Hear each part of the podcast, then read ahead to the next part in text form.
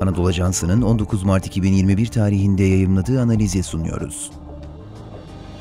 Türkiye-Mısır ilişkilerinde gerilim yumuşama sarkacı. Yazan Doçent Doktor Veysel Kurt. Seslendiren Halil İbrahim Ciğer. Türkiye ile Mısır arasında son yüzyıldaki ilişkiler ne küresel bağlamından ne de bölgesel düzlemdeki değişimden bağımsız ele alınabilir.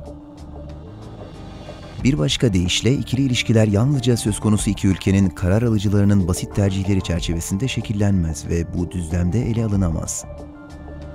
Özellikle Soğuk Savaş döneminde dünya siyasetinin ortadan ikiye ayrıldığı ve her bir ülkenin bulunduğu kampın öncelikleri çerçevesinde hareket ettiğini düşündüğümüzde bu durum daha da açık hale gelir. Türkiye-Mısır ilişkilerinin tarihsel seyri de bu perspektifle anlaşılabilir. Soğuk Savaş dönemindeki güç dağılımı iki bağımsız devlet olarak Türkiye ile Mısır'ın ikili ilişkileri en fazla etkileyen unsur olmuştur. Türkiye ve Mısır'ın bölgesel politikaları ve ikili ilişkileri de bu durumdan bağımsız değildir. ABD, SSCB rekabeti 1950'li yılların başından itibaren Orta Doğu'daki konumlanmayı ve ikili ilişkileri de etkiledi. Bu anlamda Türkiye-Mısır ilişkileri açısından en önemli gösterge Cemal Abdülnasır'ın iktidara geldikten sonra SSCB ile kurduğu yakın ilişkilere karşılık Türkiye'nin NATO'da yer almasıdır. Soğuk Savaş sonrası dönemde ise ikili ilişkilerde olumlu ya da olumsuz anlamda önemli bir değişiklik yaşanmadı. 1998 yılında Türkiye'nin PKK, dolayısıyla Suriye ile yaşadığı krizde Mısır Cumhurbaşkanı Hüsnü Mübarek arabulucu oldu ve krizin çözülmesine katkı sağladı. Arap isyanları ve gerilimin yeniden başlaması. Arap isyanları sürecinde değişen küresel ve bölgesel şartlar birçok ülkenin dış politikasını yeniden güncellemesine yol açtı. 3 Temmuz 2013'te Mursi iktidarına karşı gerçekleşen askeri darbeye Türkiye'nin gösterdiği tepki ikili ilişkilerin hızlıca gerilemesine yol açtı. Karşılıklı olarak geri çekilen büyükelçilerin tekrar görevlerine döneceği sırada 23 Kasım 2013'te Mısır, Türkiye'nin büyükelçisini istenmeyen kişi ilan ederek diplomatik ilişkilerin seviyesini düşürdü. 2013 yılından itibaren iki ülke arasında üç alanda anlaşmazlık yaşandı. Birincisi ikili ilişkiler. Mısır yönetimi Türkiye'yi iç işlerine karışmakla suçladı. Bu suçlamanın temelinde ise Türkiye'nin konjonktürel şartlar çerçevesinde verdiği tepki ve Musi döneminde görev alan birçok hükümet yetkilisinin ve destekçisinin Mısır'dan kaçarak Türkiye'de ikamet etmesi bulunuyor. Dolayısıyla Mısır'ın Türkiye'ye yönelik suçlamalarının temelini bu durum teşkil ediyor görünse de anlaşmazlığın esas temel sebebi bölgesel vizyon ve Libya ile Doğu Akdeniz'de yaşanan ayrışmadır.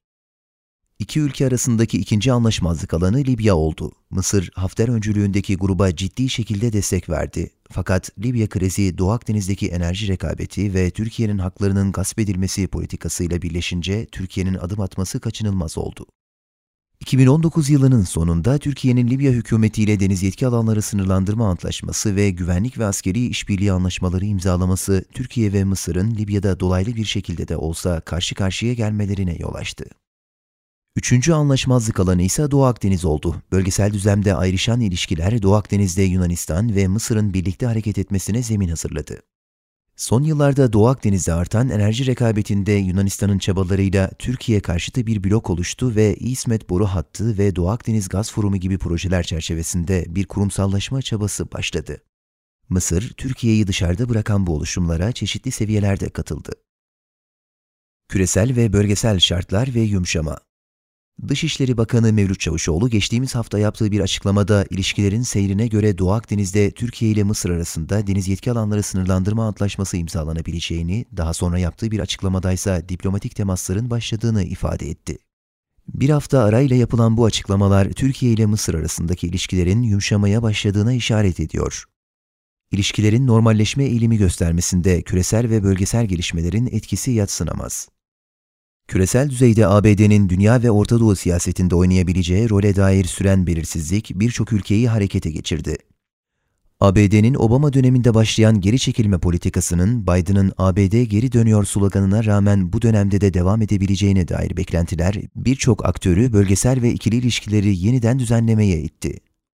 Bu bağlamda ABD'nin neden olabileceği krizlerin yaratacağı maliyetlerden kaçınmak ve inisiyatif üstlenmek birçok aktör için rasyonel politika haline geldi.